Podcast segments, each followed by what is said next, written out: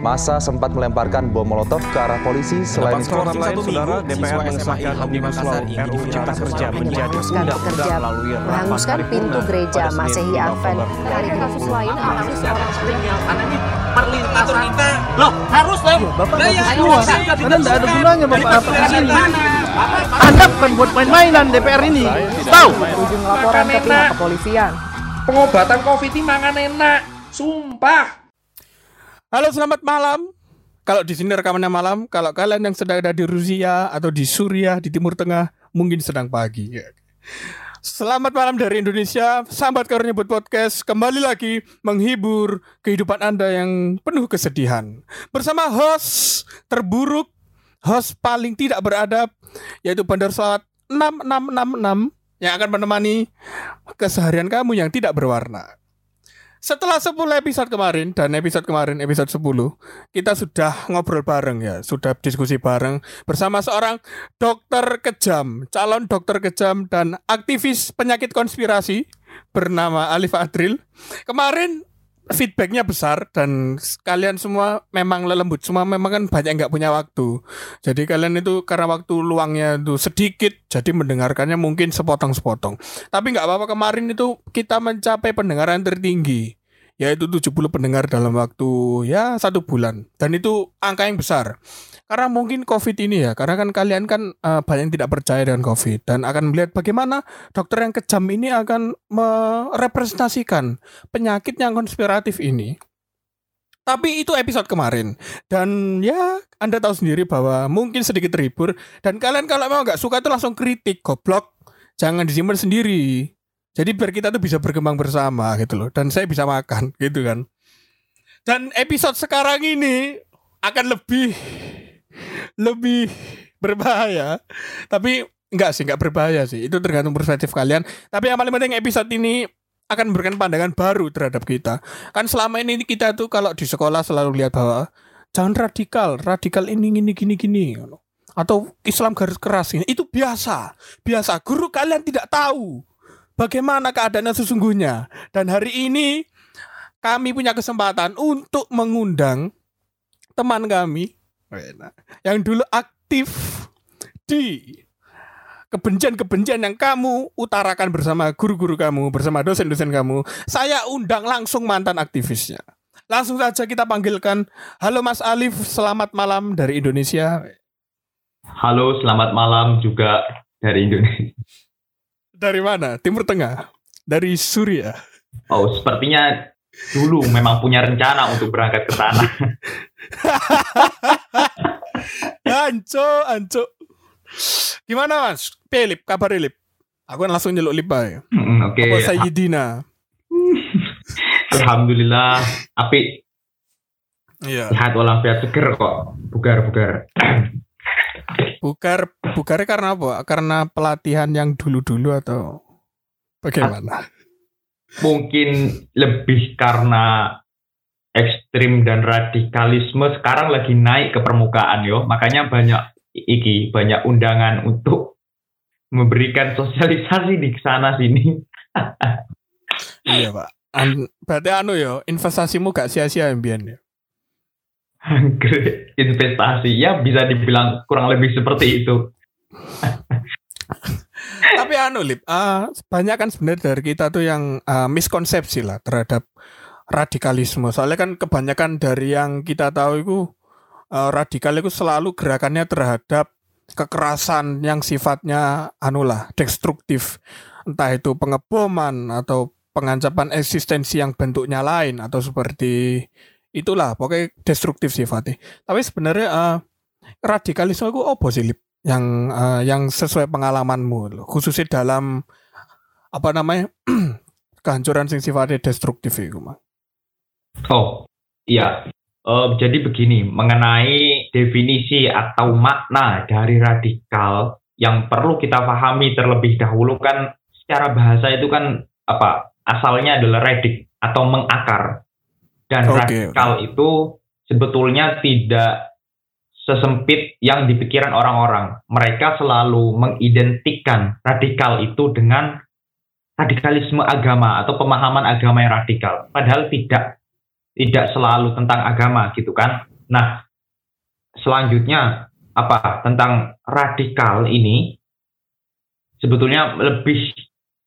apa? Sama dengan fanatisme atau em, suatu pemikiran kita atau mungkin apa? Ke penanaman paham yang sedang apa? Berkembang di kepala kita dan itu dengan itu kita merasa paling benar sendiri kemudian mempersalahkan pendapat atau pemahaman yang lain sehingga radikal Hmm. apa dalam bentuk apa pun misalkan saya mengidolakan lawan bicara saya Anu. sekarang Najem secara radikal oke. dan Oke. saya dan saya menganggap Najem ini apa yang dilakukan Najem dari pagi dia bangun tidur sampai dengan dia tidur kembali itu semuanya benar. Sementara perbuatan orang-orang, sementara perbuatan orang lain itu saya anggap salah. Nah itu kan mengidolakan orang dengan secara radikal sampai benar-benar mengakar. Nah kurang lebihnya seperti itu radikal. Sehingga berdasarkan pengalaman saya di tahun-tahun di sebelumnya itu kan tidak hanya eh, terpapar satu apa satu radikalisme satu aliran agama melainkan buahnya Hmm, mungkin kalau sekarang kita kenal dengan Hawarij modern atau ekstrim modern Oke. di samping itu saya juga pernah terpapar mungkin radikalisme yang itu merupakan aliran apa Syiah yang mungkin kita kenal seperti itu mungkin sudah berbagai aliran atau sekte keagamaan yang sudah saya coba saya cicipi satu-satu dengan radikal ya mungkin apa radikal ini sudah apa ya benar-benar eh, menjamur di kepala saya sehingga setiap apa pun yang saya pahami kemudian saya mempersalahkan pemahaman yang lain gitu jadi kurang lebihnya seperti itu Berarti anu lebih ya. ah, awakmu iki wis bekas lumbung pertanian radikalisme, ya, Pak. Oh, tidak hanya itu kok, tidak hanya satu sekte aliran tok, hampir semua gitu. Cuma memang yang paling parah dan apa merubah secara hampir keseluruhan aspek kehidupan selama apa mengadopsi paham radikal itu ya ketika radikalisme agama sing ekstremis itu sing apa namanya Hmm. sekarang kita kenal itu dengan apa Khawarij modern mungkin. Yang itu sekarang mungkin sampai berdampak ke aksi-aksi terorisme. Nah itu yang luar biasa merubah seluruh apa aspek kehidupan. Ya kayak gitu kurang lebihnya Jem Tapi anu lebih nek ngomong soal terorisme kan ya. Ah, dari dulu kan selalu misalnya kalau orang Islam itu terus mereka membuat gerakan terorisme sing di mana tujuannya mereka kan yang selama ini ku lihat itu mencari eksistensi tertentu untuk mendapatkan ya uang lah. Pasti uang nggak mungkin nggak uang. Ya kan? Pasti uang ujung-ujungnya uang cuma dari dulu kenapa kok eh, gerakan radikalisme Islam ini kan sulit diidentifikasi? Apakah ini dari golongan yang ini atau dari golongan ini? Lah kalau misalnya eh, gerakan terorisme mereka itu berasal dari golongan yang berbeda kenapa kok gerakan itu bisa seragam gitu pak? Oh jadi begini kenapa kok bisa seragam? Karena ada seorang ada sosok mastermind gitu kurang lebihnya gitu jadi Alif di sini pengen mengatakan ma- mastermind ini bukan bukan satu orang ya tapi ada banyak orang yang itu sama-sama mengadopsi suatu faham yang apa ekstrim yang itu sudah jadi apa kayak pakem atau sumber atau jadi hulu dari semua aksi terorisme. Aksi terorisme itu kan hilirnya aja gitu. Itu kan apa Hmm. namanya cabangnya. Sementara kan pokok atau sumbernya itu ada pada pemahaman terhadap apa ya suatu pemahaman agama atau mungkin pemahaman apalah yang lain yang itu tidak dipahami secara utuh. Sehingga karena tidak dipahami secara utuh akhirnya ya terjadilah apa pemutlakan suatu paham memutlakan pendapat yang merasa diri mereka paling benar dan mempersalahkan pendapat yang lain. Ya sebenarnya dari situlah semuanya itu bermula gitu. Merasa paling suci merasa paling benar akhirnya ya semua pemahaman dianggap salah yang tidak sepaham yang tidak sependapat halal untuk dihabisi ngono kan? Nah. Dan oh iya dan ini apa namanya mungkin ini yo untuk mencerahkan atau meluruskan yang di awal tadi bahwa terorisme itu apa identik tujuannya adalah apa kayak uang atau kekayaan duniawi. Ya memang memang apa em, sosok yang menjadi sutradara atas terciptanya kelompok-kelompok itu memang tujuannya uang gitu.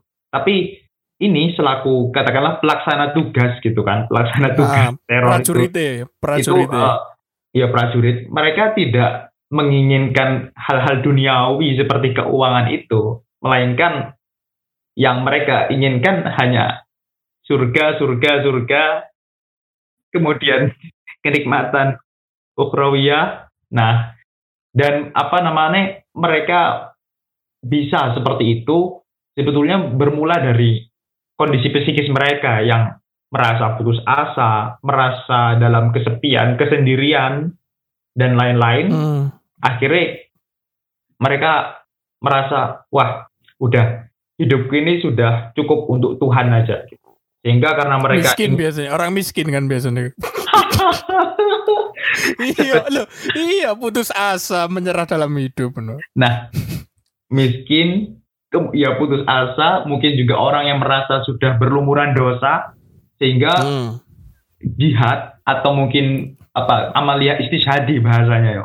Apa Iya, iya. eh, amalia istishadi atau bom bunuh diri atau apa mati syahid itu dianggap sebagai Hmm. suatu jalan pintas untuk menggugurkan semua dosa dan bersenang-senang bersama 72 bidadari perawan.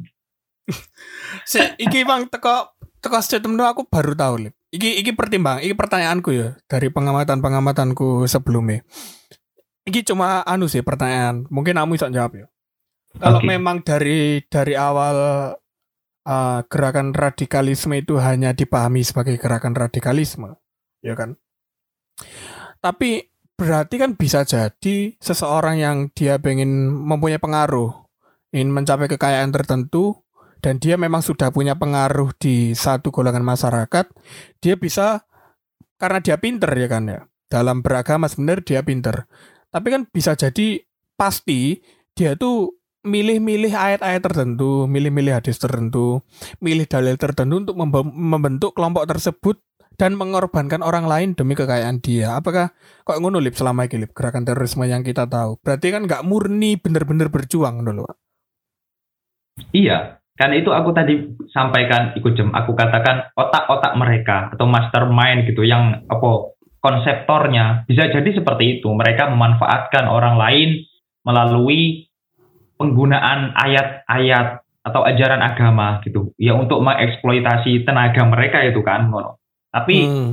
itu kan konseptornya. Sementara apa namanya pelaksananya atau si pelaku aksinya, yo mereka niat mereka jelas wis untuk berjuang, wis ente-entean gitu, sampai mati sampai mati udah seperti itu. Tidak ada mereka itu eh, ada kepentingan-kepentingan duniawi atau mungkin keinginan untuk apa namanya memperkaya diri itu sama sekali tidak ada gitu. Adapun kalaupun mereka menghendaki untuk memperkaya diri, yo dengan cara-cara katakanlah melawan atau memberontak terhadap pemerintah yang sah. Karena kan bagi mereka pemerintah yang sah hanya dengan khilafah, Khalifah syariat. hanya dengan syariah. Buat mereka Iya, iya. hukum buatan manusia itu hukum tauhid. Percaya kepada katakanlah dasar negara atau Pancasila kita itu kufur dan Hmm. halal darahnya untuk dibunuh.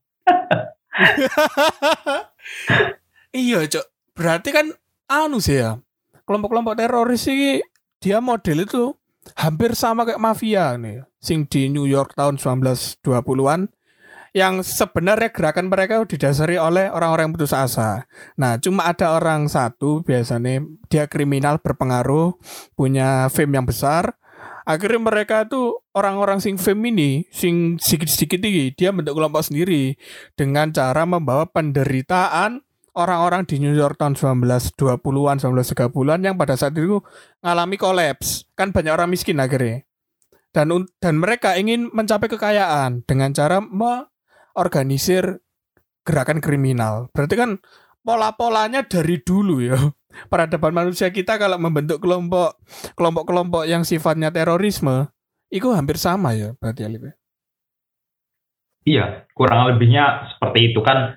Apalagi apa namanya eh, yang kita tahu dan kita pahami dari awal kemunculan ini ya. Aku menyebut ini khawarij modern atau mungkin oke. pada, eh, pada awalnya khawarij pada mulanya itu kan juga sebetulnya karena konflik politik kan. Konflik politik antara eh, pemerintahan eh, Khalifah Ali bin Abi Thalib dan apa namanya eh, lawan politiknya pada saat itu yang mereka menuntut eh, Khalifah Ali supaya segera mengusut kematian Utsman Khalifah sebelumnya Hmm. gitu. Karena mungkin Khalifah Ali itu dinilai terlalu lamban untuk merespon pengusutan siapa yang menjadi dalang pembunuhan atas eh, sahabat Utsman bin Affan pada akhirnya kelompok oposisi ini gitu yang yang mungkin Hmm. mereka hendak merebut kekuasaan politis dari Khalifah Ali pada akhirnya melakukan apa tindakan-tindakan yang yang katakanlah sekarang sama seperti aksi teror gitu kan bahkan Mm-mm. akan berujung pada pembunuhan Khalifah Ali penusukan di subuh itu oleh Abdurrahman ibnu Muljam gitu dan itu kan terus Mm. terus turun menurun sampai anak cucunya sekarang kan kurang lebihnya gitu Berarti gerakannya selalu sama ya Pak. Iya. Maksudnya pola-pola pola-pola internalisasi mereka selalu sama lah.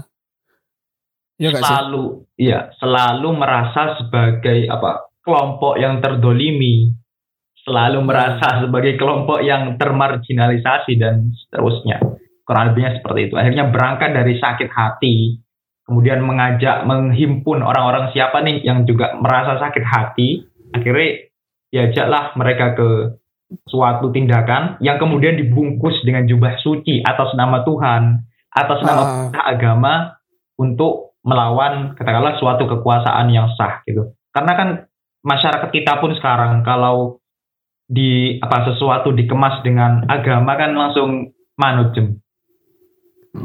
Oh iya Pak. Tapi nek ngomong kita kan dari tadi kan ngomongin soal anu ya. ah, banyaknya kelompok sing apa sesuai dengan pengalamanmu itu kan. Dengan analisa pengalamanmu di kelompokmu sebelumnya. Tapi nek buat lelembut semua ini pasti pengen tahu pengalaman pribadimu ya. Soal pengalaman pribadimu dulu ya. Soal ah, kok bisa anu, masuk ikut-ikutan ke kelompok itu kok bisa kenapa anu? Ben apa motivasimu, Pak? Oke, jadi sebetulnya perlu aku apa sampaikan pada mulanya aku adalah orang sing katakanlah nasionalis jem. Maksudnya nasionalis. Oh iya. iya. Iya, Iya, iya. aku orang yang amat sangat peduli terhadap perkembangan atau mungkin ya kayak info-info terbaru tentang pemerintahan pada saat itu Iku ah, umur piro? Umur piro? Pak? SMP kelas 7 sebetulnya Jem. Nah 2000 piro 13. iya kurang lebih 13. 2013 nah berangkat dari apa kayak mungkin nasionalisku sing sebetulnya itu juga nasionalis yang radikal juga ya katakanlah soalnya Heeh. apa namanya sampai dengan rasa itu aku juga merasa paling benar sendiri atas konco-koncoku atas teman-temanku soalnya kan ya seharusnya aku bisa lah memaklumi teman-temanku di usia SMP kelas 1 di usia kelas 7 itu ya mereka masih banyak yang ya sukanya bermain dan jarang sekali kan untuk memikirkan soal negara soal Iya, ya pemerintahan sih sih. Tapi Yo. kan itu kan pemikiran soal harusnya kamu menyadari kan baru muncul setelah kamu keluar kelompok kan.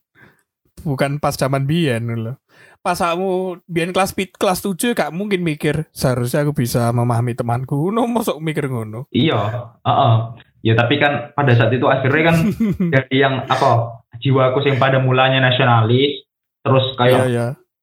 Lingkunganku ini kok anu ya kok gini ya kok nggak ngerespon. Mereka kok nggak punya kepedulian saya terhadap pemerintah. Mereka kok nggak punya kepedulian saya terhadap negara. Akhirnya kan aku merasa paling bener dewe di situ juga Heeh. rasa timbul apa kebencian terhadap lingkungan di sekitarku. Akhirnya juga Wah, kebencian terus merasa koyo ah nasionalisku nasionalisme iki gak guna. Nah terus di samping itu juga gini jem kan aku mulai mengkritisi gitu ya. Wah, pemerintah kita itu ngene-ngene, kurangnya itu ini, celahnya itu ini. Sekarang pemerintah kita itu begini. Nah, kok kebetulan ketika aku mengkritisi berbarengan dengan apa kondisi politik identitas. Politik oke. identitas, akhirnya kan itu ada polarisasi ya. Mungkin sekarang kita kenal ada kadrun dan cebong kan. Iya. Lah, Iya iya. aku itu kemar eh, kemarin maksudnya ketika saat itu masuk ini di katakanlah kelompok kadrun kayak gitu maksudnya Hmm. eh, masuk ke kelompok eh, mereka yang menggunakan Oposisi pemerintah.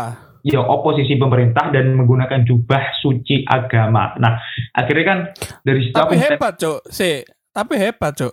Awakmu 2013 kelas kelas kelas 7 SMP berarti kan umur 11.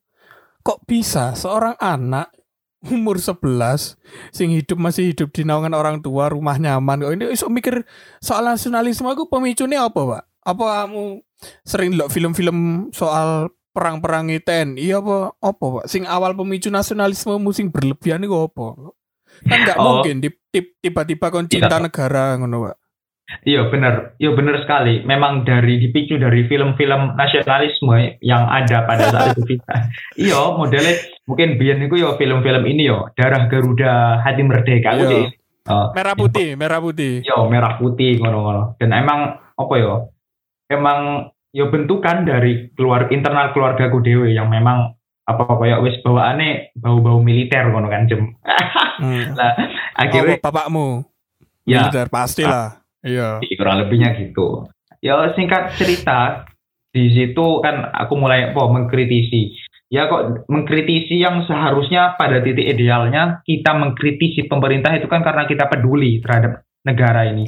Karena kita mungkin perhatian terhadap negara ini. Tapi ini malah beda, Jem. Maksudnya definisi mengkritisi sing ada pada saat itu di kepalaku justru akhirnya eh, terjadi pergeseran iki paradigma yakni apa ya lebih ke kebencian dan menjatuhkan pemerintahan yang sah akhirnya kan bergeser Oh. ke sana Oh, iya ya. Ah, Berarti gak membangun kritikmu, Pak. Anjene hate speech ngono biyen. Lah, iya lebih akhirnya lebih mengarah ke sana lebih ke Iku iku prosesnya langsung apa berangsur-angsur, Pak?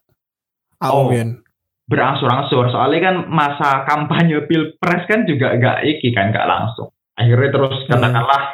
Pilihanku itu gak kepilih kan maksudnya sing mau itu tak lulu meskipun aku belum punya hak pilih pada saat itu itu gak kepilih Iya. akhirnya kan Ancuk. semakin semakin menjadi kelompok sakit Iya, iya. hati kan akhirnya ngono semakin menjadi kelompok sakit hati kebencian itu semakin dikembangkan ngono kan terus ya semakin menginginkan wah iki pemerintah sekarang ini tidak adil rezim dolim nggak sah maka solusinya harus diganti dengan hukum Tuhan hukum Tuhan yang harus ditegakkan syariah khilafah Islamiyah kurang lebihnya seperti itu Iku Iya. referensi kok iso, Pak? Umur 11. Iki iki iki iki mungkin bagi orang awam kan anomali, ngono kan, Pak, keanehan. Bocah umur 11, ya. Hidup di nangan orang tua, sik kelas 7, punya rasa nas- nasionalisme sing pemicunya adalah film laga. Oke lah. Iki iki iki Mang. Terus tiba-tiba kamu punya ketertarikan terhadap agama Islam. Lagi ketertarikannya muncul dari mana? ketertarikan soal togut, soal iku mang, apa istilah-istilah syariat-syariat iku mang dari mana? Apakah kamu survei dewe apa teko wong tuamu ta teko lingkunganmu ta ya apa? Oh iya, itu bermula dari yo survei karena sebelumnya kan aku model sing ketika aku pengen ngerti mau tidak mau aku kudu ngerti ngono. Nah sementara Iya kan ya. aku haus untuk memahami mengetahui sesuatu tapi tidak ada fasilitas atau nggak ada ruang-ruang untuk bisa aku tanyai gitu jem. Ya orang tua Hmm. mohon maaf mungkin juga tidak seberapa paham. Terus aku nanya ke apa ustadz-ustadz di madrasah, mereka pun apa ya, ya jelas mereka bingung, mesti bingung ini aku dengan usia aku segitu kok nanya eh kayak gini gitu. Nah, Nanya? Hah? Nanya piye? Nanya piye, Pak? yo nanya perihal katakanlah gini, "Eh, Ustadz, em, sebetulnya puncak dari apa namanya amal seorang muslim, seorang mukmin itu apa Ustadz? Apakah mungkin harus apa namanya kayak jihad seperti itu? Maksudnya harus sampai benar-benar mengabdikan seluruh kayak jiwa raga atau nyawa ini kepada Tuhan, ngono. Hmm. Iku itu. pas pada saat itu definisi jihad menurutmu sing mau tanyakan kan soal bagaimana menghancurkan negara dolim ngono ya. Oh, sebelumnya enggak. Sebelumnya definisi jihad yang ada di kepalaku yo sama seperti film-film laga yang aku lihat. Maksudnya yo berjuang melawan apa namanya Musuh. Mm-mm, musuh. Mungkin film-film tentang apa eh, sejarah Nabi Muhammad SAW yang mungkin di perang Badar, Uhud dan kan pada Hmm. mulanya jihad yang ada di kepalaku masih masih seperti itu, masih masih apa ya klasik ngono lah. Baru Oh, kemudian berarti pada saat itu fase kebencianmu terhadap negara dengan pemahaman agamamu belum campur ya. Umur 11 itu ya. iya masih Maksud- aku- iya masih bingung aku masih gini. Berarti kan anu ya masih belum saling mempengaruhi ngono kan. Si dewi-dewi melakukan kan soal pemahaman agama dengan pemahaman patriot apa soal pemahaman agama, pemahaman kebencianmu terhadap negara kan si jalan dewi-dewi kan, belum saling mempengaruhi ini. Iya kan? Iya belum. Nek- Bahkan aku yang Nah. mengalami kesulitan pisan, aku sempat galau, sempat bingung. Iki sebetulnya antara agama dan negara itu sebetulnya bisa bersatu enggak sih? Aku sempat Hmm. muncul hipotesa kayak gitu. Soalnya kok ketika aku lebih condong kepada sosok yang agamis, kayak sosok patriotis atau negarawanku itu hilang. Nah, sementara Hmm. terlalu kayak nasionalis, aku kok melihat apa ya eh, sosok agamisku itu jadi luntur ngono. Makanya aku Hmm. bingung eh, sebetulnya agama dan negara ini bisa nyatu atau enggak, bisa harmoni apa enggak, kayak gitu jempe Hmm. di kepalaku saat itu, ngono kan? Iya mungkin. Nah selanjutnya di fase selanjutnya karena aku mengalami hipotesa itu, aku cobalah akhirnya kan eh, kayak mencari-cari eh, jawaban atas apa namanya kayak pertanyaanku seputar mungkin eh, negara-negara maksudnya pemerintahan kita kondisi pemerintahan kita yang ada pada saat itu kok sedemikian serezim ini gitu kan sedolim ini kok apa rakyat kecil dicekik dan seterusnya kan. Narasi-narasinya kan seperti itu. Akhirnya Ah. kan dari dari situ Itu dari dari pemahaman agama yang kamu cari ya, Lip ya? Oh, kalau pemah, yo dari pemahaman agama pisan. Jadi biasanya eh, aku itu nyari apa Hmm. referensi itu yo dari internet. Kebanyakan dari internet. Ikut kan dasar berarti kan gini kronologi ini tak urut no, Pak. Jadi kan kamu kan kita mulai dari kebingunganmu soal ya apa menyatukan praktek beragama dengan praktek praktek bernegara itu mangkan. Iya. Terus kamu go berarti kan setelah kamu survei survei soal agama itu mangkan. Apakah bisa Ah. campur dengan negara gak? Berarti kan surveimu yang mau lakukan sing mau ceritakan ini dasar itu soal uh, rasa kebingunganmu soal kecampuran antara praktek bernegara pak- praktek beragama. Ngono gak Lip? Iya, ya. Iya kan? Iya, terus terus ya. Iya, akhirnya juga oh iya, di samping itu aku kan sosok yang mungkin terlalu mohon maaf terkungkung, terbelenggu di dalam rumah Iya. Iya, iya. tertutup kan. Akhirnya aku juga bingung jem untuk kayak mencari fasilitator atau mungkin teman diskusi siapa yang bisa diajak diskusi sementara aku di usia segitu loh. Aku mencari jawaban. Jadi pandang anak kecil kan usia Nah, sama. iya. Aku, kalau aku tanya ke teman sebayaku mereka gak ada yang paham. Tanya ke orang dewasa mereka bakal memandang wah kamu ini loh anak kecil tahu apa sih tentang politik kan gitu. iya.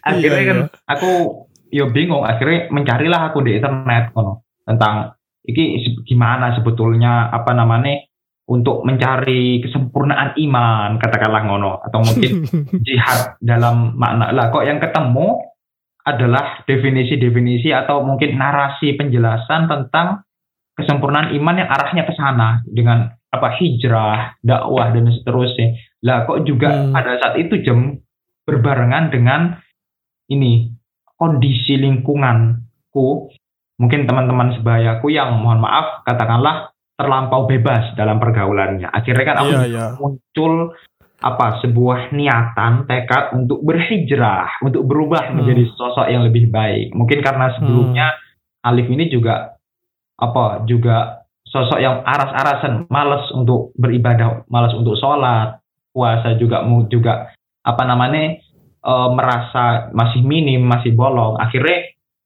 dari merasa bersalah itu, dari merasa putus asa itu tadi, akhirnya udah muncullah niatan udah aku sekarang mau berubah, aku mau hijrah, aku ingin mengabdikan seluruh kehidupanku untuk Tuhan. Lah, Hmm. dari sini itu akhirnya semakin berkembang ini eh, pemahaman agama sing apa eh, mengalami purifikasi bahasanya ngono biasa Apa mengalami purifikasi pemurnian ngono. iya sehingga apa namanya pemahaman-pemahaman agama yang katakanlah biasanya sudah berbaur dengan tradisi masyarakat atau juga berbaur dengan apa namanya eh, kondisi-kondisi yang ada di apa namanya lingkungan kita itu aku anggap salah gitu itu udah Oh berarti anu ya praktek-praktek ibadah sing menurut mbiyen campur ambek tradisi kita ku salah ngono ya. Talilan ngono. hmm, asli itu apa kayak khurafat atau suatu hal Ngerapat. iya khurafat atau suatu hal yang diada-ada karena gini pemahamanku pada saat itu gini Jem. Eh, ketika apa Nabi Shallallahu Alaihi Wasallam itu meninggal dunia kan ayat terakhir yang turun apa Eh, surah Al-Maidah 3. ayat 3 itu kan pada hari ini Iya. telah aku sempurnakan untuk agamaku nah aku pada Iya. saat itu akhirnya memahami ayat itu agama ini sudah sempurna jangan Hmm. ditambah-tambahi lagi gitu kalaupun Hmm. ada penambahan-penambahan apa pun dalam agama ini maka itu tergolong dalam suatu hal yang baru kan Hmm. apa inna apa muhdatsatun bid'ah wa kullu bid'atin Iya, iya. dhalalah. Nah, kan seperti Iya, itu iya. Legendaris itu kan. iya lah akhirnya itu juga akhirnya merasa apa namanya wah ini suatu apa amal-amal agama yang sudah berbaur dengan masyarakat ini salah semua wah ini juga kok juga apa ya kayak sudah ter sudah benar-benar kayak melekat menjamur di masyarakat. Wah, masyarakat ini perlu untuk dimurnikan kembali tauhidnya gitu. Akhirnya kan muncul pula apa kayak keinginan untuk merubah apa sistem masyarakat ikut jem. Akhirnya Hmm. juga berangkat dari apa kayak kegelisahan atau kekhawatiran itu yang aku merasa bahwa aku ini hidup di Darul Kufur.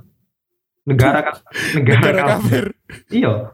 Bahkan aku bisa menganggap hukum yang ditegakkan adalah hukumnya togut kan kayak ngono. Akhirnya Berarti Wah. kan konsepsi iki umur piro, Pak? Do- umur 12 lah, setahun setelah. ya sudah mungkin sudah naik kelas dulu pada saat itu kelas 2 ngono lah. Berarti Iya. kan kamu membutuhkan waktu satu tahun untuk menemukan jawaban bagaimana praktek beragama dan bernegara ini bersatu, ngono ya. Iya, kurang lebihnya satu, iya satu, satu setengah tahun lah, satu setengah tahun. Itu Iya, pun iya. kan gini, praktek bernegara yang aku adopsi itu bukan sepenuhnya praktek agak praktek bernegara yang benar, gitu kan? Melainkan praktek Hmm. bernegara yang ingin merubah segala sistem yang ada dengan katakanlah sistem hukum Tuhan, kayak ngono kan? Kurang lebih yang Iya, iya.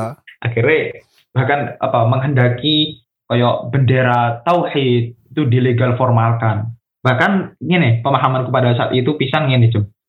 bahwa nasionalisme itu atau asobiyah bahasane bahasane yang aku adopsi pada saat itu asobiyah itu menjadi sekat-sekat persatuan umat gitu karena umat ini itu Hmm. perlu untuk disatukan di bawah satu bendera la ilaha Hmm. illallah Muhammad Rasulullah Iya. Pada saat itu ada di kepalaku gitu. Dan suatu saat nanti aku pada saat itu bermimpi yo. Maksudnya berkeinginan suatu saat nanti seluruh apa masyarakat di dunia ini akan bersatu di bawah naungan tauhid itu. Kayak ngono. Yang Hmm. sebetulnya aku udah pernah apa kayak mengkritisi atau lebih jauh lagi untuk mengkaji sebetulnya ini utopis apa enggak sih soalnya ruang-ruang soalnya ruang-ruang kritis yang ada di kepalaku wes mati dengan adanya dogma-dogma agama itu jemur Berarti intinya kan pengalamanmu setelah kamu menemukan sing menurutmu hidayah lah iku mang. Proses-proses ke depannya seperti apa, Pak? Kayak kamu mungkin diberikan materi-materi modul-modul apa bahkan sampai ono sih beberapa kisah teko eh, mantan aktivis lain sing ikut dengan organisasi yo iku lah Iku sempat DKI pelatihan rakit senjata, sempat DKI modul gini-gini, terus sempat akan diberangkatkan ke Suriah. Nah, aw, iku kan dari banyak orang. Awakmu mengalami hal yang sama apa? Lip? Oh, untuk apa namanya jenis pelatihan itu pernah satu kali. Terus terus. Iya. Untuk apa namanya jadi gini, kan pada saat itu pemahaman agamaku sudah apa sudah katut, sudah ikut, sudah terinjeksi ngono kan oleh paham-paham atau keagamaannya ekstrim radikal sayap kanan ngono kan. Akhirnya Hmm. kan dengan sudah apa dengan itu yang sudah melekat di kepalaku dan ruang-ruang kritis itu akhirnya juga mati. Akhirnya kan apa aja yang disampaikan oleh eh, orang-orang mereka ini langsung diterima tanpa ada filter ngono di kepalaku. Nah, aku itu mendapatkan beberapa referensi itu yo dari apa kayak suatu situs yang mungkin tidak semua orang yang bisa masuk atau akses situs tersebut gitu. Hmm. Dari situ juga ada yo beberapa modul juga PDF, e-book kayak gitu kan. Yang kebetulan Hmm. yo aku juga termasuk iki kan Jem, eh, sosok orang yang suka baca gitu kan. Akhirnya yo Hmm. aku baca, aku tekuni ngono, aku pahami bener-bener ngono. Wah, ternyata praktik apa namanya untuk menyempurnakan iman katanya itu harus seperti ini. Praktik harus berangkat ke suatu negeri yang dijanjikan akan menjadi negeri akhir zaman kan, yaitu Wancuk. Negeri Syam, negeri Syam ngono. Iya, Suriah. Oh, Suriah, Palestina, Lebanon, Israel dan seterusnya. Yang di situ nanti akan kayak ini hadis hadisnya itu yang terkenal gini.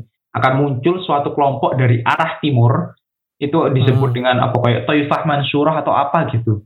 Iya, iya. Mereka apa namanya membawa panji-panji hitam ngono. Panji-panji hitam Hmm. bendera tauhid dan mereka akan memenangkan beberapa peperangan tanpa kalah sekalipun dan mereka itulah pasukan penolong Al-Mahdi. Nah, jadi kayak gitu. Dengan apa namanya? Dengan adanya hadis kayak gitu, mesti dengan adanya kayak perintah ngono kan untuk berangkat ke suatu negara negeri akhir zaman akhirnya semakinlah apa kayak eh, terbuka terbuka eh, ruang-ruang atau keinginan kehendak hatiku ini untuk semakin memahami lebih dalam supaya nanti aku berharap aku menjadi salah satu kader yang diberangkatkan ke sana. Wancuk. Jadi Iya. Kopassus, Kopassus Syariah. Iya, akhirnya yo bener bener bener jarimu bener katamu tadi melalui modul-modul itu ada sebetulnya. Terus juga kayak pertemuan kayak Zoom bukan Zoom apa aplikasinya yang ada ya saat itu itu masih Skype nih nggak salah Zoom. Skype, Skype, Skype, nggak- Skype. Iya, Iya. bahkan ya melalui video-video indoktrinasi itu kan juga kan.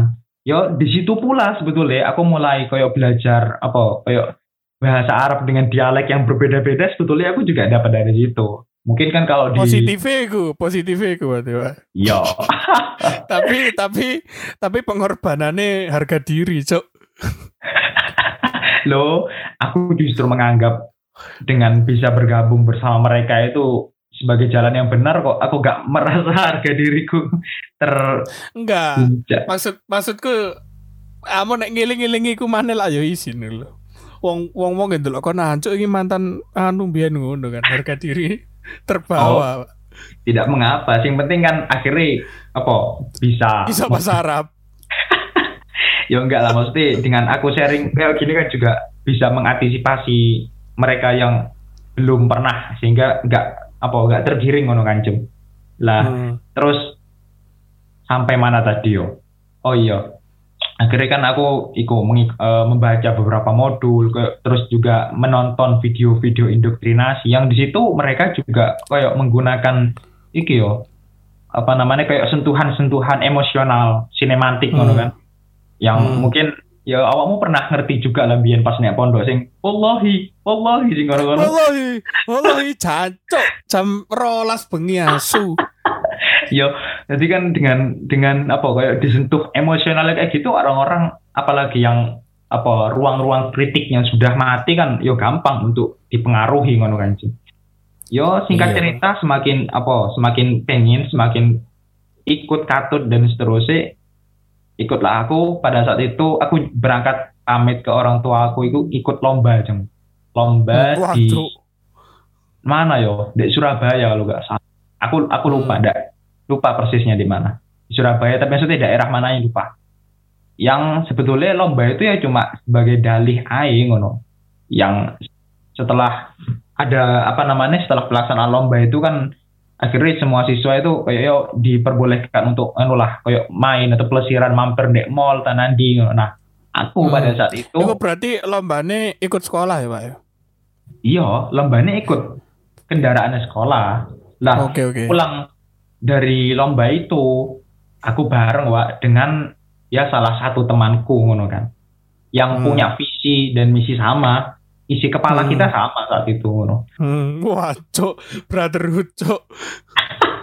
akhirnya yo ini diajaklah aku ke tuh daerah nanti yo Duh aku is ngono lah aku tentu gak pengen nyebut suatu daerah yang spesifik pisan kan. Iya, Mas yo Mas yo kon niling ya, kon yo gak wani nyebut lah.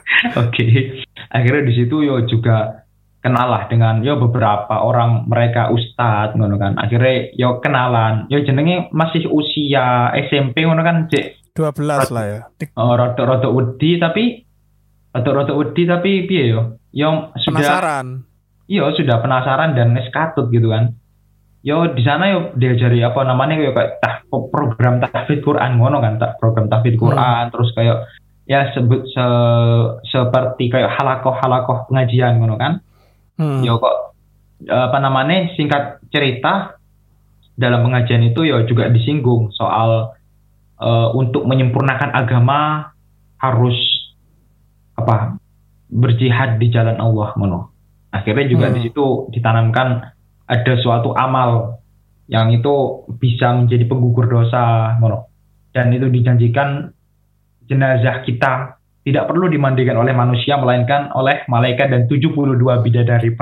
Cuk. Lah, iku yang kemudian aku dengan usia segitu, ngono kan, apa mana juga mungkin katakanlah, misal ada orang-orang yang punya masalah dengan asmaranya, ngono kan, mari pegat Hmm. tapi ketika dijanjikan 72 bidadari dan mereka menutup ruang-ruang kritis mereka, akhirnya kan ya wis manut. Loh, Iyalah. nah, maksudnya udah manut aja, tergiur justru Lah dengan itu iya.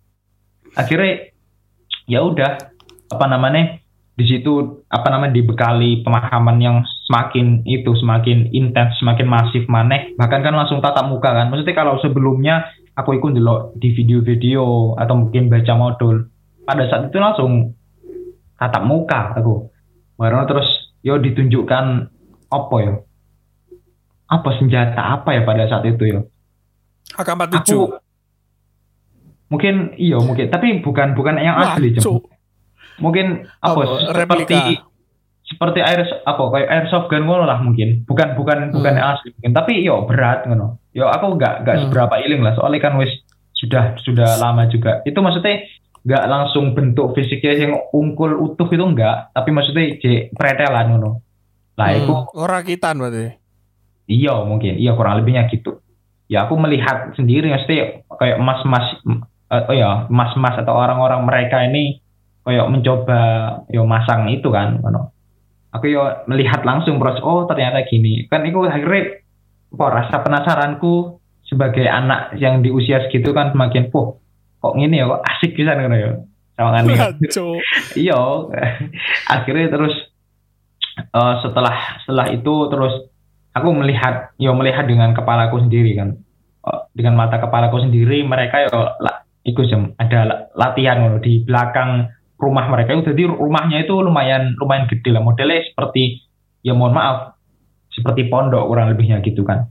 Tapi di belakang itu ada tanah lapang sing luas banget. Itu biasanya apa kayak akhwat-akhwat atau yang perempuan yang bercadar itu mereka biasanya juga latihan panah di situ. Latihan memanah. Terus ada juga ya ada ada apa namanya eh, apa namanya itu lapangan apa sirkuit untuk kuda juga itu juga ada Hmm. pokoknya mungkin sesuatu Wah, yang sekarang kita sebut itu dengan apa, sesuatu yang sekarang orang-orang mereka itu nyebut dengan sunnah sunnah nah itu ada Hmm. semua di situ gitu ya termasuk juga latihan apa tembak menembak gitu yang aku juga tidak tahu sekarang itu sudah mereka sudah diringkus atau enggak yo gak ngerti ngono Jem. Sales Ya gak ada kontak ya. Ya wes setelah setelah itu akhirnya itu kurang lebih mungkin 3 sampai 4 4 4 dino, 3 sampai 4 hari. Akhirnya aku- pulang kembali ke apa? ke Sumeneb. Aduh, iya Hmm. kembali ke kota aku lah. Ke tempatku berasal kembali ke situ akhirnya sem- udah semakin iki yang ada dalam kepala dan isi hatiku ya semakin wah wis endang. Iki nggak akan Nah, lama lagi. Iya, nggak Iya. akan lama lagi. Aku harus segera berangkat. Aku harus segera melakukan amaliyah ini, ngono. Soalnya sudah merasa bahwa setiap apa pun yang ada di dunia itu, yang ada di dunia ini salah, wis. Tidak, ya tidak terkecuali orang tuaku sendiri, ngono. Halo? Hmm. Oh iya, Halo halo. oke. Iya. Tidak terkecuali orang tuaku sendiri gitu. Hmm. ya udah akhirnya sudah semakin menggebu-gebu aku ya juga pada saat itu mungkin sudah usia kelas 3 SMP yang mungkin teman-teman aku sudah berpikir untuk aku mau sekolah SMA di mana sementara yang ada di kepalaku gimana caranya aku berangkat Ngono. Cancok. iya Aduh, Bah- tahun 2015 ya berarti ya. 15 iya 16 ya mungkin 15. ya 2015 2016 ya menjelang akhirnya aku dipondokkan gitu kan dipondokkan Ya. yo sing yo bersama anda juga lho kan Ya. Lah. akhirnya yo gini gini konsepnya maksudnya akhirnya eh, aku berpikir oke mau ndak mau aku sekolah SMA harus di luar kota jadi Hmm. pikiran ini supaya aku bisa lebih bebas dan akhirnya bisa berangkat gitu kan lah kok Lah, tapi di sini eh, orang tua aku itu sudah mencium aroma-aroma bahwa aku ini sudah mulai terpapar dengan iki dengan radikalisme ngono kan. Bahkan aku yo apa yo kayak mulai berani ngono untuk mendebat dan mempersalahkan bapakku dewe yang mungkin berangkat ke tahlilan atau Hmm. apa namanya yo melakukan amalia-amalia sing dalam pandanganku itu bid'ah kurofat kan. Iku Hmm. Aku mendebat dengan yo beberapa sejuta da- apa dalil itu kan. Yo Hmm. mohon maaf orang tuaku yang dalam pemahaman agamanya mungkin juga belum mumpuni ngono. Akhirnya kan bingung mau menjawab dengan apa gitu. Akhirnya Hmm. udah anak ini harus dipondokkan. Akhirnya pikirannya orang tuaku seperti itu. Lah kok Hmm. gini? Justru aku ketika dipondokkan itu kan mikir tetap mikir gimana caranya buat berangkat akhirnya kan diiming-imingi jem bahwa pondok aku boleh nyebut pondok iki yo Boleh lah, pondok Oke. tercinta kita. oke bahwa pondok amanatul ummah ini alumninya itu bisa ke mana aja bisa ke Hmm. Eropa Timur Tengah. ah bisa Ah, iya poinnya di situ ketika aku mendengar Iya, iya.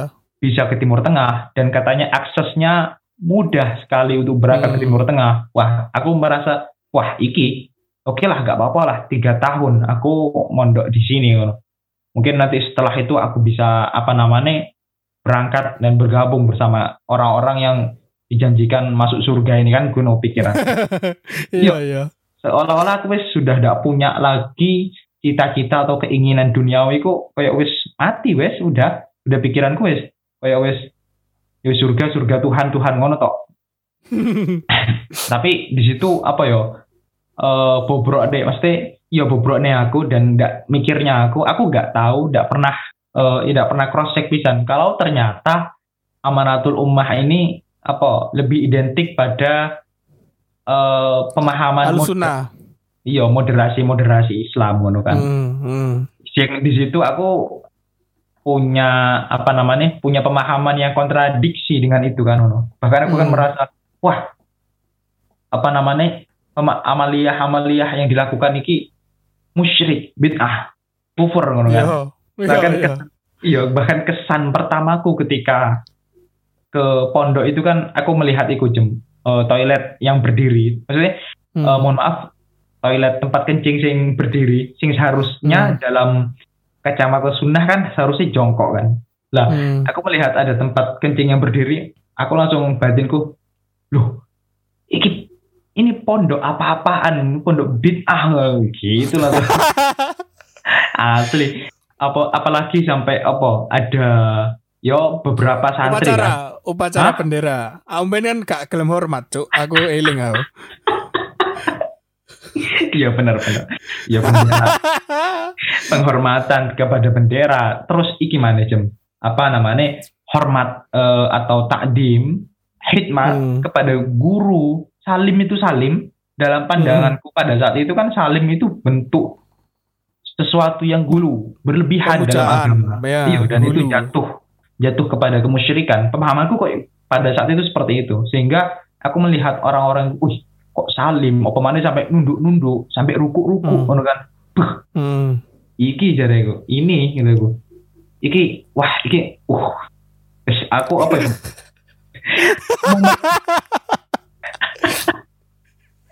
momen momen dewe ndasku ngono. akeh Aduh.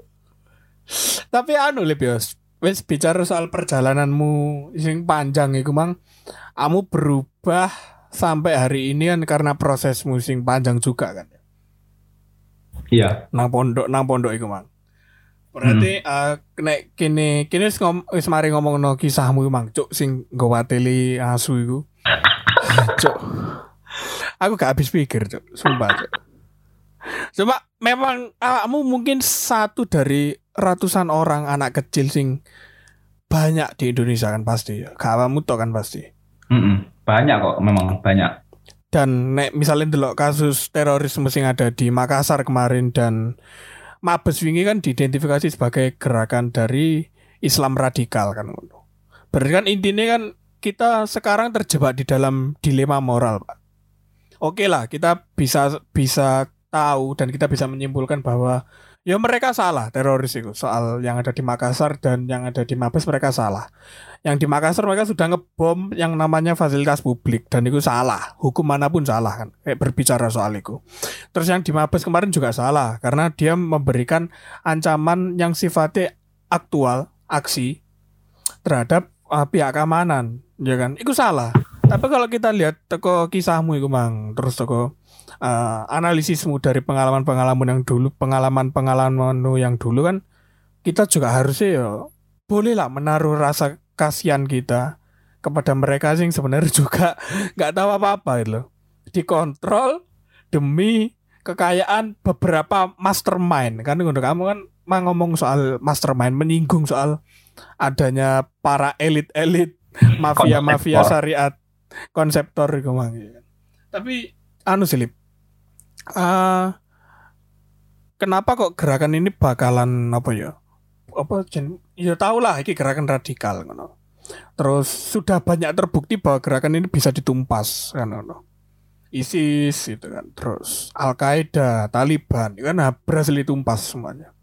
Al Qaeda ya kan itu juga berhasil ditumpas juga. Tapi kenapa kok banyak orang sih masih mau masuk gitu loh sedangkan secara logika secara logika gitu timbang aku perang ya kan aku mending nang omah dulu Pak nah itu kenapa kok pengikutnya selalu ada meskipun metode-metode dan gerakannya selalu sama apakah dari bubarnya organisasi yang lama-lama itu mereka tersisa terus mengumpulkan masa lagi Lip? Hmm, iya menarik ini. Ini, ini sebetulnya aku sedikit menyinggung pembubaran organisasi terla- terlarang oleh pemerintah kita beberapa waktu yang lalu. Yo. Hmm. Real Madrid kan Hah? Real Madrid Ya, iya kan itulah pokoknya. Ya, aku justru Iya. melihat itu menganalisis itu seperti ini, Jem.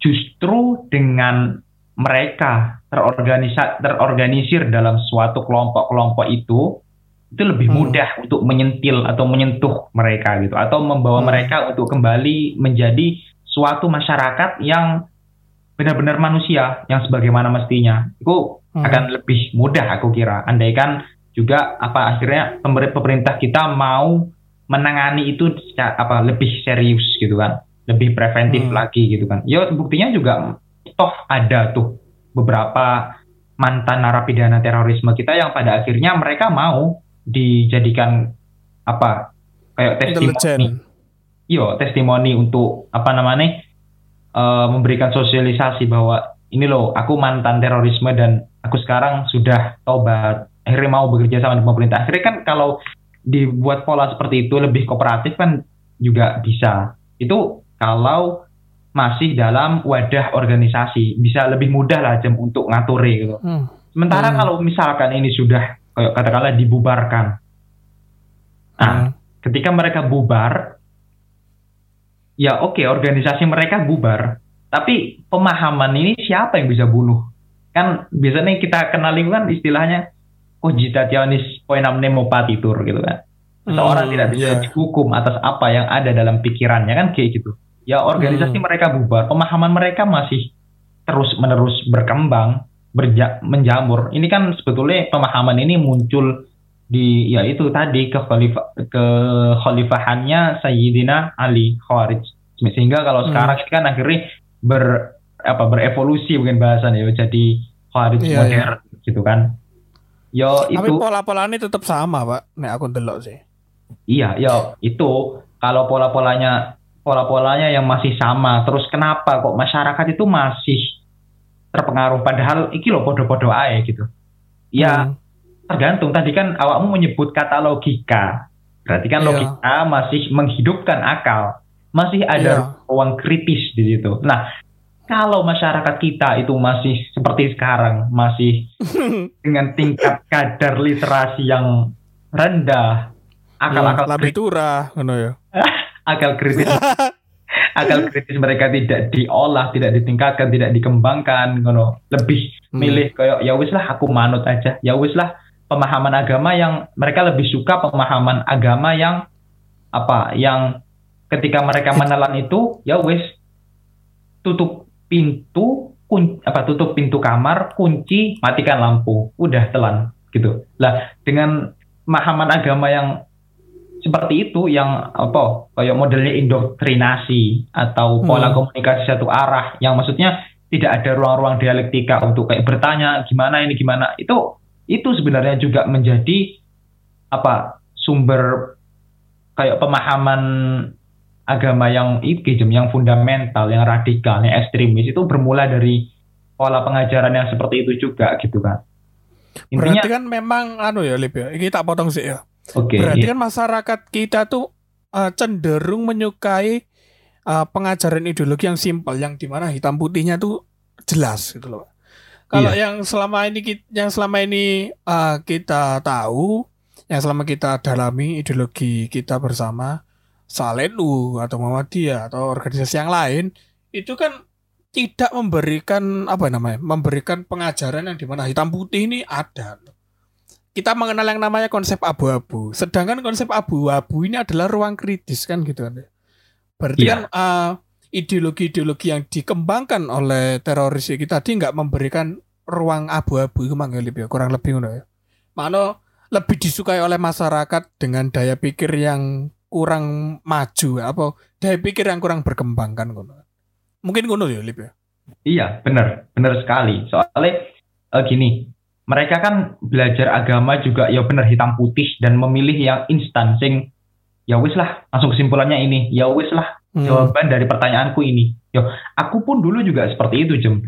Aku itu dulu ketika aku belum masuk ke pesantren yo, aku kan apa kayak eh, sempat mengalami kayak bingung. Ini fikih ini menurut imam ini seperti ini, menurut imam itu seperti itu, menurut pendapat ulama ini seperti ini, pendapat ulama itu seperti itu. Aku bingung.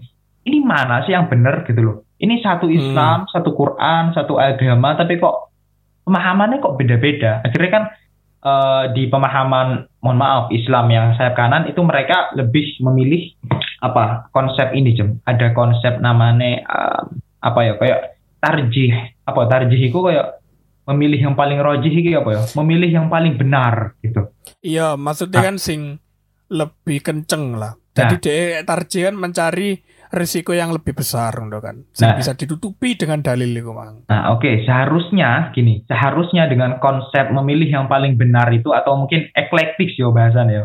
Memilih Iya, yang iya, paling iya. benar itu seharusnya tidak disertai dengan rasa paling benar sendiri. Seharusnya kan tidak gitu. Oh iya iya. Lain iya. kan kita oke Mbak, kita meyakini ini paling benar. Kita merasa oke lah ini paling sahih gitu.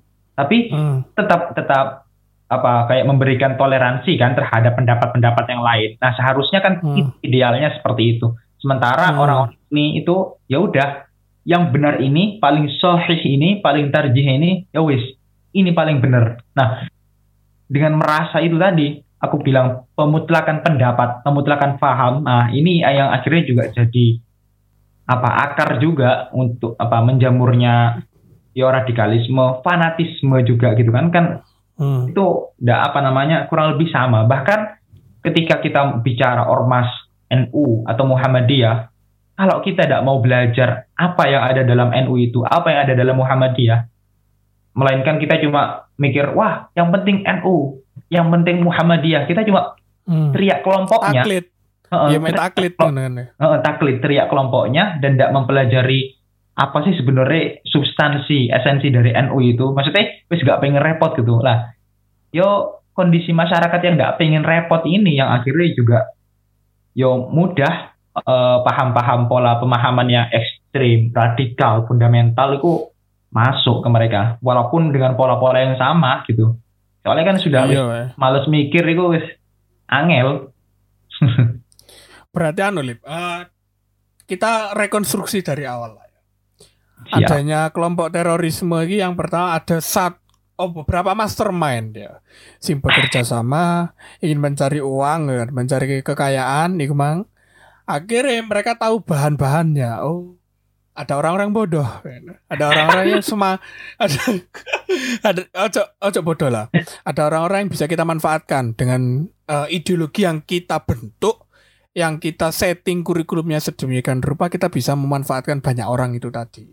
Akhirnya Iya. mastermind ini mereka bentuk orang-orang itu dengan sosialisasi pengajaran dalam basis agama Islam tapi memilih beberapa dalil untuk dibentuk sesuai dengan tujuan mereka, sesuai dengan ideologi mereka. Kan ngono ya berarti ya kurang lebih ya. benar Pada Yo, iki proses terbentuknya kelompok teroris kan ngono ya berarti ya siap akhirnya si mastermind sing pengen kaya ini mengumpulkan orang-orang terus mulai terkumpul.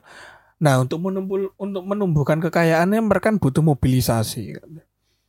Bisa dari penjarahan. Ini sing paling ekstrim sih penjarahan. Mungkin sing pertama teko iuran lah ya. Kan ono iuran sih Min, ya. Kayak anggota sod sodako kan ya. Eling aku cuk. Aku tak ngerti. Kan mereka sing sing wis disosialisasi sing otak wis didoktrinasi kan mereka memberikan apa saja. Ya akhirnya mastermind lewat itu kan membuat sing jenenge sodako lho lip. Ribat. Iuran iuran ribat. Ribat iya akhirnya mereka akhirnya kan mastermind ini membuat sistem ribat. Kalau kamu memang berada di jalan Allah kamu bersedekah iya benar uang. benar. Ya duit di dipangan dewe ambek mastermind itu. iya kan? Akhirnya kan setelah itu mereka melakukan gerakan mobilisasi terorisme itu kan sebenarnya hanya untuk apa ya model DE apa lip apa cek umbak apa ya apa lip nek menurutmu Ya, kenapa apa? mereka melakukan kenapa kok para mastermind ini kan mereka kan sebenarnya itu kan pengen cari uang ya kan Iya. pengen cari uang tapi kenapa harus melakukan gerakan terorisme kok apa? Apakah dengan mereka memberikan ancaman itu uh, biar mereka dinotis pemerintah dan pemerintah mau bayar mereka biar mereka diem atau atau gimana lip? Motif lip dari para ini dari perspektif mastermind yo. Bukan dari pelaku. Nek pelaku kan jelas bahwa mereka pengen cari surga. Tapi lihat dari mastermind itu apa lip? Kenapa kok mereka melakukan gerakan terorisme itu? Oh, gini, sebetulnya aku kayak lebih ke playing victim juga sebetulnya Jem. Soalnya, yo bagaimanapun mereka akan bersuara saya anti terorisme gitu. Walaupun sebetulnya tangan-tangan mereka di bawah itu meng- ikut turut ikut menggerakkan itu juga gitu. Misalnya itu gini, eh, tahun berapa? Tuh sekitar 75-an mungkin yo. Itu kan talib apa namanya Amerika Serikat itu datang di Af- Afghanistan untuk membiayai dan mempersenjatai orang-orang Taliban gitu. Hmm, ya. Nah, itu itu untuk apa? Kan untuk supaya wilayah eh, Afghanistan ini tidak direbut oleh Uni Soviet, tidak apa tidak direbut oleh Rusia gitu. Nah, itu kan Hmm, kepentingan politis. Kemudian Hmm. terus apa namanya? Mereka menggerakkan orang-orang ini dengan apa dalih berjuang. Nah, tapi orang-orang ini kemudian menelan itu dengan sebagai perang suci jihad hmm. akhirnya yo mereka akhirnya menang kan akhirnya kan Taliban ini melawan Rusia.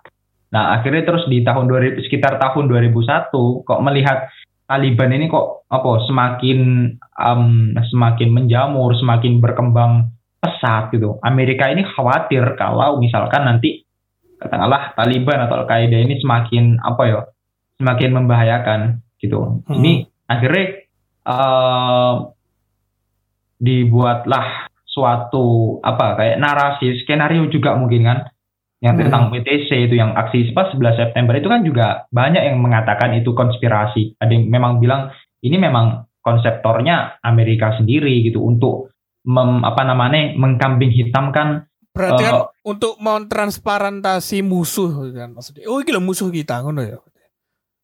Iya, maksudnya juga untuk apa namanya? em, apa sih namanya? Untuk menguasai lawan gitu kan mereka tidak harus apa namanya tidak harus terjun langsung sehingga orang-orang yang Hmm. ini yang mudah untuk dipengaruhi dan dicuci otaknya ini yang dimanfaatkan. Tapi mereka juga akan mengatakan saya anti terhadap orang-orang ini gitu. Maksudnya mereka cuci tangan, tidak ikut-ikut, walaupun sebetulnya mereka yuk ikut. Nah, bahkan sekarang pun kalau kita lihat ISIS kan sebetulnya apa pola pembentukannya itu kan tujuannya untuk minyak Irak itu kan Cim.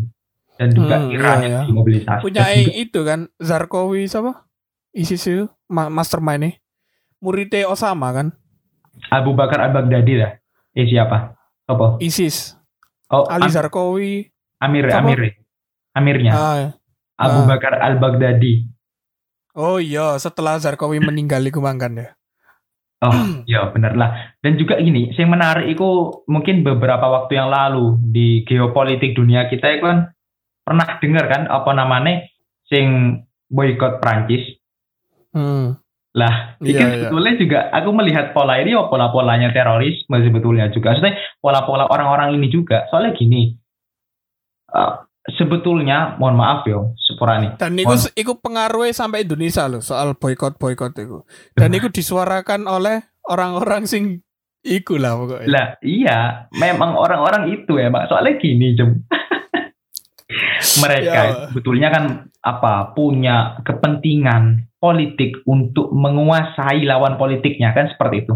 Yo katakanlah, Hmm. mohon maaf, oh, pimpinannya Turki katakanlah gitu. Mereka Hmm. ingin kayak menjatuhkan perekonomian di Prancis gitu. Ya soalnya kan manuver politik ini eh mesti seruan untuk boykot boykot Prancis, boykot produk Prancis itu kan munculnya di Turki pada mulanya sebetulnya. Lah kan gini, em, ketika siapa namanya eh, Presiden Prancis Macron itu datang di suatu apa kayak haul itu kan katakanlah haul kan, haul nih Hmm. apa sempeti itu kan, yang tentu Hmm. dalam kondisi berkabung itu tidak mungkin dong seorang presiden pemimpin negara mengatakan wah iki salah sempeti dewe salah salahnya dia sendiri kenapa kok tunjukkan karikatur Nabi Muhammad lah kan nggak mungkin kayak gitu tentu Hmm. apa namanya seorang presiden pemimpin negara turut berduka cita. Dan di situ eh, presiden Macron menegaskan landasan konstitusional negaranya itu kan sing liberty de expression kebebasan berekspresi. Yang di situ apa namanya presiden Macron itu apa ingin menyampaikan bahwa ini loh landasan konstitusi kita ini loh apa namanya kayak kita itu ya undang-undang 45 kita kalau di Indonesia dan di situ Hmm. nggak ada narasi sedikit pun bahwa Macron itu memojokkan Islam. Itu tidak ada. Sehingga dengan pernyataan bahwa ini kebebasan berekspresi berarti kan yo nggak cuma Islam toh melainkan yo ada ruang-ruang atau celah-celah untuk agama lain juga. Apa sih ada potensi untuk agama lain yo kena kena imbas. Maksudnya kena eh, pelecehan juga gitu. Maksudnya tidak Islam aja gitu paham Hmm. nggak sih, maksudnya Jem? nah Paham, paham, paham. ya berarti kan tidak cuma Islam aja. Nah, tapi kemudian orang-orang ini, orang-orang yang memboy yang menghendak menjatuhkan perekonomian Prancis ini membungkus, mengemas itu dengan suatu narasi bahwa wah Presiden Macron ini dengan landasan konstitusionalnya yang kebebasan berekspresi hendak menjatuhkan, hendak memojokkan Islam kayak kayak gitu dibuat Dan itu disuarakan oleh orang-orang sing iku lah ya. Iya, dan kemudian itu akhirnya bergemuruh di Turki, akhirnya sampailah dengan eh, di Indonesia di negeri kita gitu juga boykot Prancis, boykot. Yang itu Hmm. mereka atas nama Tuhan, ini membela Sayyidina Muhammad dan seterusnya. Padahal itu konflik politik, ngono kan? Tapi Iya. Dan juga- lucu nih, Pak. Ono lucu nih. Kata aku wingi sempet iki entah berita sing wis valid apa enggak ya. iya Iki siap. yo, aku, iki jarene, Pak. Soal kematian Sempeti iku. Iku ternyata hanya cerita jarene, Pak. iya, jadi iku ono arek-arek cilik, arek wedok sing lapor nang bapake bahwa apa jenenge kenapa kok iku jadi cerita ini arek cilik Perancis wedok dia iku modelnya dikeluarkan dari kelas. Akhirnya kan dia pulang. Nah pas pulang pas pulang takoki bapak eh kenapa kok pulang ini gini nah si arek itu ngomong bahwa di kelas di kelas itu kita kita yang beragama Islam itu disuruh eh yo kita kita yang beragama Islam disuruh keluar. Nah kebetulan arek cilik agama Islam. Dia ngomong nah bapak eh kita yang agama Islam suruh keluar karena guru kita Sempeti akan memamerkan gambar Nabi Muhammad. Cari ini sih ngono, cuma entah valid nggak eh gak ngerti. Nah sebenarnya Sempeti iki eh, kabarnya nggak pernah memamerkan karikatur Nabi. Nah seumpama berita ini valid dan benar, seumpama berarti kan selama ini ya Islam sing bodoh. Ki- ki- kita kita dibodohi dengan gerakan yang bodoh. Berarti kan ngono sih pak. Seumpama ya, seumpama ki valid. Soalnya aku belum ngecek sampai saiki sih. Iya, gini Jem. Oh iya, ini juga mungkin mungkin aku sedikit apa beralih ke kasus lain. Mesti yang Oke. ini sama motifnya. Iki ya, Hmm. pernah dengar iki kan Muslim Uighur. Oke oke. Nah, Cina, Cina. itu ya itu ya juga sama. Maksudnya berit apa dunia memberitakan bahwa Muslim Uighur, etnis Muslim Uighur di eh ya etnis Muslim Uighur di sana itu disiksa, kemudian hak-hak kemanusiaannya itu dicabut, maksudnya eh, sampai dibunuh, wan- para wanita diperkosa dan seterusnya. Sing narasinya sedemikian keji, you know. padahal Hmm. fakta di lapangan itu ya karena memang ini apa namanya kondisi apa namanya muslim yang ada di sana itu mayoritas berpaham Islam yang ekstrim ngono sehingga Hmm. apa namanya pemerintahan China yang sah itu membuatkan camp khusus untuk mereka yang punya pemahaman itu dan apa namanya eh, kayak narasi-narasi yang dibuat orang-orang ini yang diberitakan di dunia kan seolah-olah wah ini saudara kita muslim kita didolimi di ini Iya. di dan seterusnya lah kan kan Kamu berarti oleh info ini kita ke orang-orang dalam ya, Lip ya. Ya. Jadi Iya, lembut semua jangan meragukan karena tamu kita adalah punya beberapa jaringan-jaringan. Jadi ini kita akan melihat wajah sebenarnya, ya Lip. Oke lah, Iya. kita lanjut ke Uighur, Mang. Aku lah gak ngerti, Pak, sumpah. Iya dan apa namanya bahkan juga ya beberapa situs apa situs main, resmi maksudnya si em, website yang mainstream maksudnya yang sudah kita kenal wah ini pasti valid. Itu juga memberitakan eh kayak kedaliman pemerintahan Cina dan seterusnya Hmm. gitu itu kan apa ya namanya? Em, sampai segitunya. Maksudnya sampai eh, media informasi yang seharusnya mengabarkan suatu berita yang valid terus kayak berdasarkan fakta. Akhirnya karena tak mungkin juga ada campur tangan politik gitu kan juga Jem. akhirnya Hmm, dan juga ke sana nggak dan mungkin ke sana nggak ada akses mungkin. Dan sumber beritanya sudah dimonopolisasi oleh orang-orang tertentu kan. Bisa jadi ngono akhirnya sumber berita yang dimonopolisasi dijual ke beberapa media. Nah akhirnya media mau beli itu. Bisa jadi Iya. sih Pak. oh iya menarik. Iya iya benar-benar. Iya bisa jadi seperti itu. Iya aku aku terus terang nggak nggak apa nggak setajam itu ya mikir itu. Tapi Hmm. memang ya bisa jadi juga seperti itu. Soalnya juga apa jadi sesuatu yang mengherankan. Maksudnya sekarang ini kan kondisi maksudnya sekarang ini yang ada di kepalaku alhamdulillah kan aku sudah yo sadar. Maksudnya walaupun belum sepenuhnya juga gitu tapi kurang lebihnya sadar. Dan aku melihat ini Hmm. yo juga menggelitik gitu loh. Dan gini loh aku beberapa tahun yang lalu juga kan ada di barisan mereka kan Ujung, tergabung bersama Iya. mereka gitu dan aku merasa dan tahu gerakan mereka tahu kan ya dan aku merasa iyo dan aku merasa "Beuh, berarti selama iki aku ki di prank kan mikirnya gitu Iya.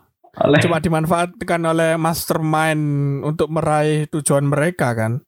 iya dan yo parahnya itu orang-orang yang di bawah itu jem sing akhirnya yo mereka memperjuangkan itu kan dengan darah dan nyawa kan ngono sampai Iya. Sakno rek wis kadung mati duwe di ambek mastermind. Alah alah. Berarti ya iya Pak kita ya harus kasihan sebenarnya terhadap yo kayak kita ngomong kasihan terhadap mereka ya sebenarnya kita masuk kriminal ya Pak. Soalnya enggak enggak enggak dianggap mendukung anu enggak kita berbicara soal diri kita kemanusiaan kita. Berarti kan kita pantas untuk menaruh respect kita terhadap mereka, rasa humanisme kita terhadap mereka. Karena kan mereka sebenarnya ya wis hidup sengsara, dibohongi, mati sia-sia. Ya kan ya? Kasihan, Pak. iya iya iya Berarti anu Lip, eh, dari banyaknya pembicaraan kita selama satu jam 15 menit ini Mang, kan kita bicara banyak lah soal bagaimana gerakan ini tadi dimobilisasi secara transparan kan ya. Secara bagaimana pola-polanya itu Mang, kan ya. Berarti intinya dari semua yang udah kita ngomongin gerakan ini sudah mengglobal. Jaringan ini sudah mendunia dan sudah dimobilisasi dengan master plan yang luar biasa. Oke kan Uno? iya Dan iki setelah teko pembicaraanmu aku sebenarnya punya prediksi yang baru tak pikirkan nih Mang. Soal negeri yang dijanjikan dan konflik Timur Tengah. Konflik Timur Tengah sekarang yang terjadi berada di daerah Sam dan Damaskus. Ya kan? Syam dan Sing sekarang, sing sekarang bagian teko Suriah ya kan, Suriah, ya nggak sih, Yaman nih, we. Hmm, Israel Benar. Palestina nih kan, daerah.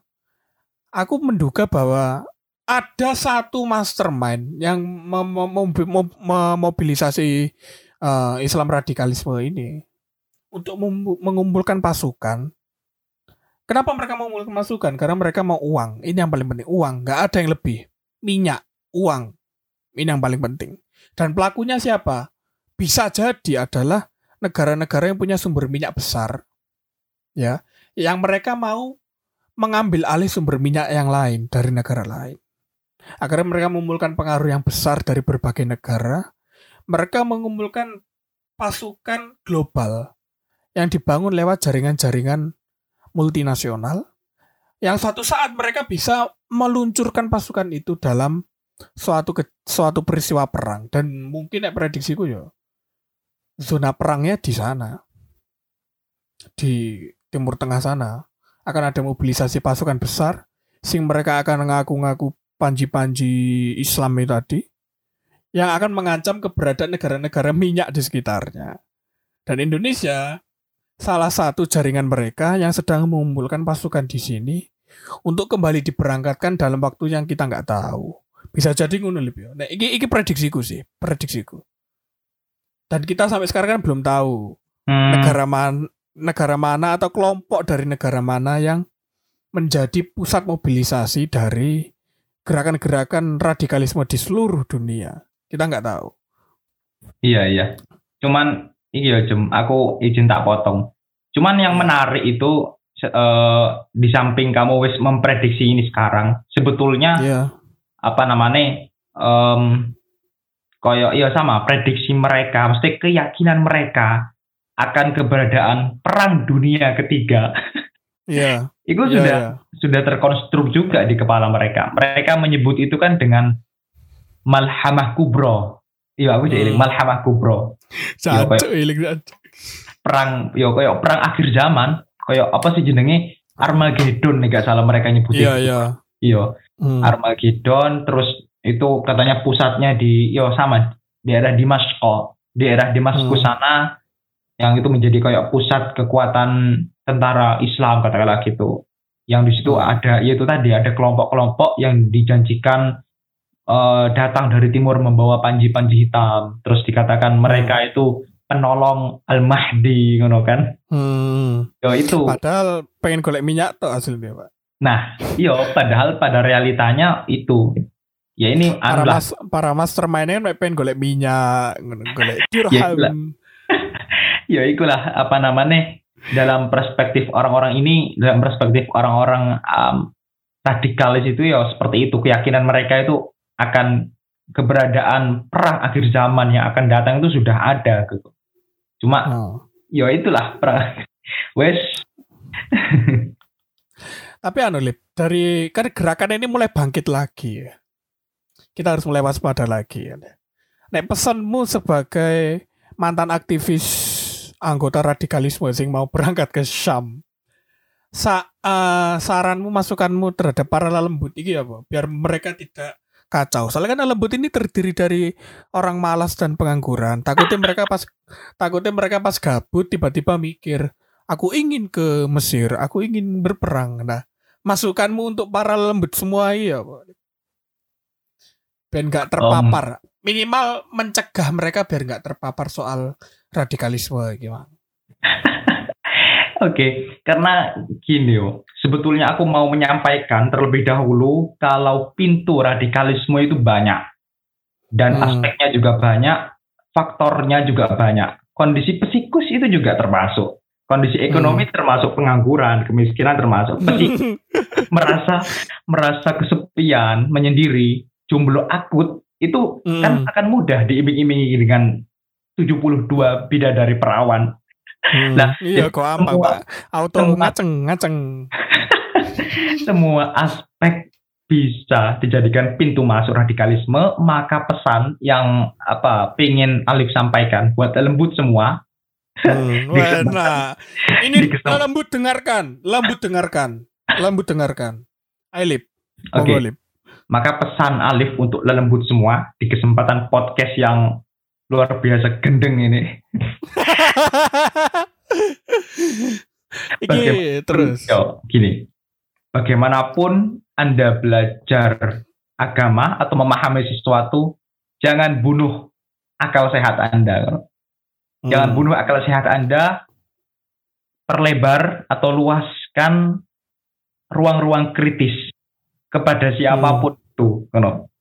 Hmm. Karena pemahaman apa pun yang ditelan secara dogmatis tanpa diolah terus langsung diyakini seyakin-yakinnya Hmm. sehing- dan di situ ada pemutlakan pendapat yang Oke. eh, dan akhirnya juga muncul rasa intoleransi yang tinggi juga merasa paling benar sendiri itu yang akan mengantarkan kita orang-orang awam kepada ekstremis kepada radikalis kepada fundamentalis ini Hmm. secara umum aja tidak hanya agama semuanya pun begitu jangan sampai bunuh akal sehat anda itu aja sebetulnya Zim. Hmm. Kalau buat lembut semua aku wes yakin Lip. Mereka pasti bisa menghidupkan akal kritis mereka. Karena mereka sudah terbiasa melawan orang tua. Itu kan kritis. Sudah terbiasa membolos dari kuliah, melawan dosen, melawan dosen, membohongi proposal event mahasiswa. Jadi otak kritis kalian pasti ada dan aku yakin lembut ini tidak akan terpapar radikalisme. Tapi ya jangan melawan orang tua, jangan membohongi dosen dong. Radikalisme Anda ya sama saja Anda radikal itu, radikal moral. Tapi minimal para lembut ini pasti hmm, terjaga lah dengan itu tadi yang aneh-aneh. Semoga saja. Siap. Asalkan Anda mungkin kalau memang salah satunya Anda untuk mempertahankan lembut semua ya. Kayak misalnya cara satu-satunya cara gawe awakmu kabeh mempertahankan alam kritismu dengan cara melawan orang tua, ya berarti kamu punya dua pilihan. Apakah aku akan menembakkan peluru atau aku akan melawan orang tuaku? Oke, itu semua untuk lelembut. Semoga kalian tetap sehat dan episode 11 ini menjadi episode terpanjang. Kita udah rekaman satu jam setengah. Wah, satu jam setengah. Ini penting, Lip, penting. Makanya ini satu jam setengah. Oh, Dan untuk minggu ini kita akan meluncurkan dua episode. Sekarang sudah satu jam setengah. oh, Buat yang kemarin protes kenapa kok episodenya pendek-pendek, ini saya sudah kasih yang panjang satu jam setengah bersama tamu kita mantan Syariah Army. Abu Jadi Abu apa? Abu Alif, Abu Alif Al Iraqi. siap siap siap. Oke, itu tadi episode 11 dan makasih buat semua lembut yang sudah mendengarkan sampai habis. Kalau kalian sampai mendengarkan sampai menit 1 jam 24 berarti kalian lembut sejati. Lembut radikalis. Kalau radikal untuk lembut nggak apa-apa, saya dukung. Oke. Terima kasih Alip Siap. sudah memberikan waktunya dan semoga kalian semua lembut tetap sehat. Kalau kalian suka dengan episode ini langsung like, share, follow dan di-share ke snapgram kalian untuk menghajar ustadz-ustadz kalian kalau untuk melawan gerakan-gerakan itu. Nah, dengarkan ini. Yang adanya kemarin diganti tempelkan podcast ini di kupingnya. itu harus. Oke, lembut. Terima kasih lembut semua. Terima kasih Mas Alip. Kita sign out.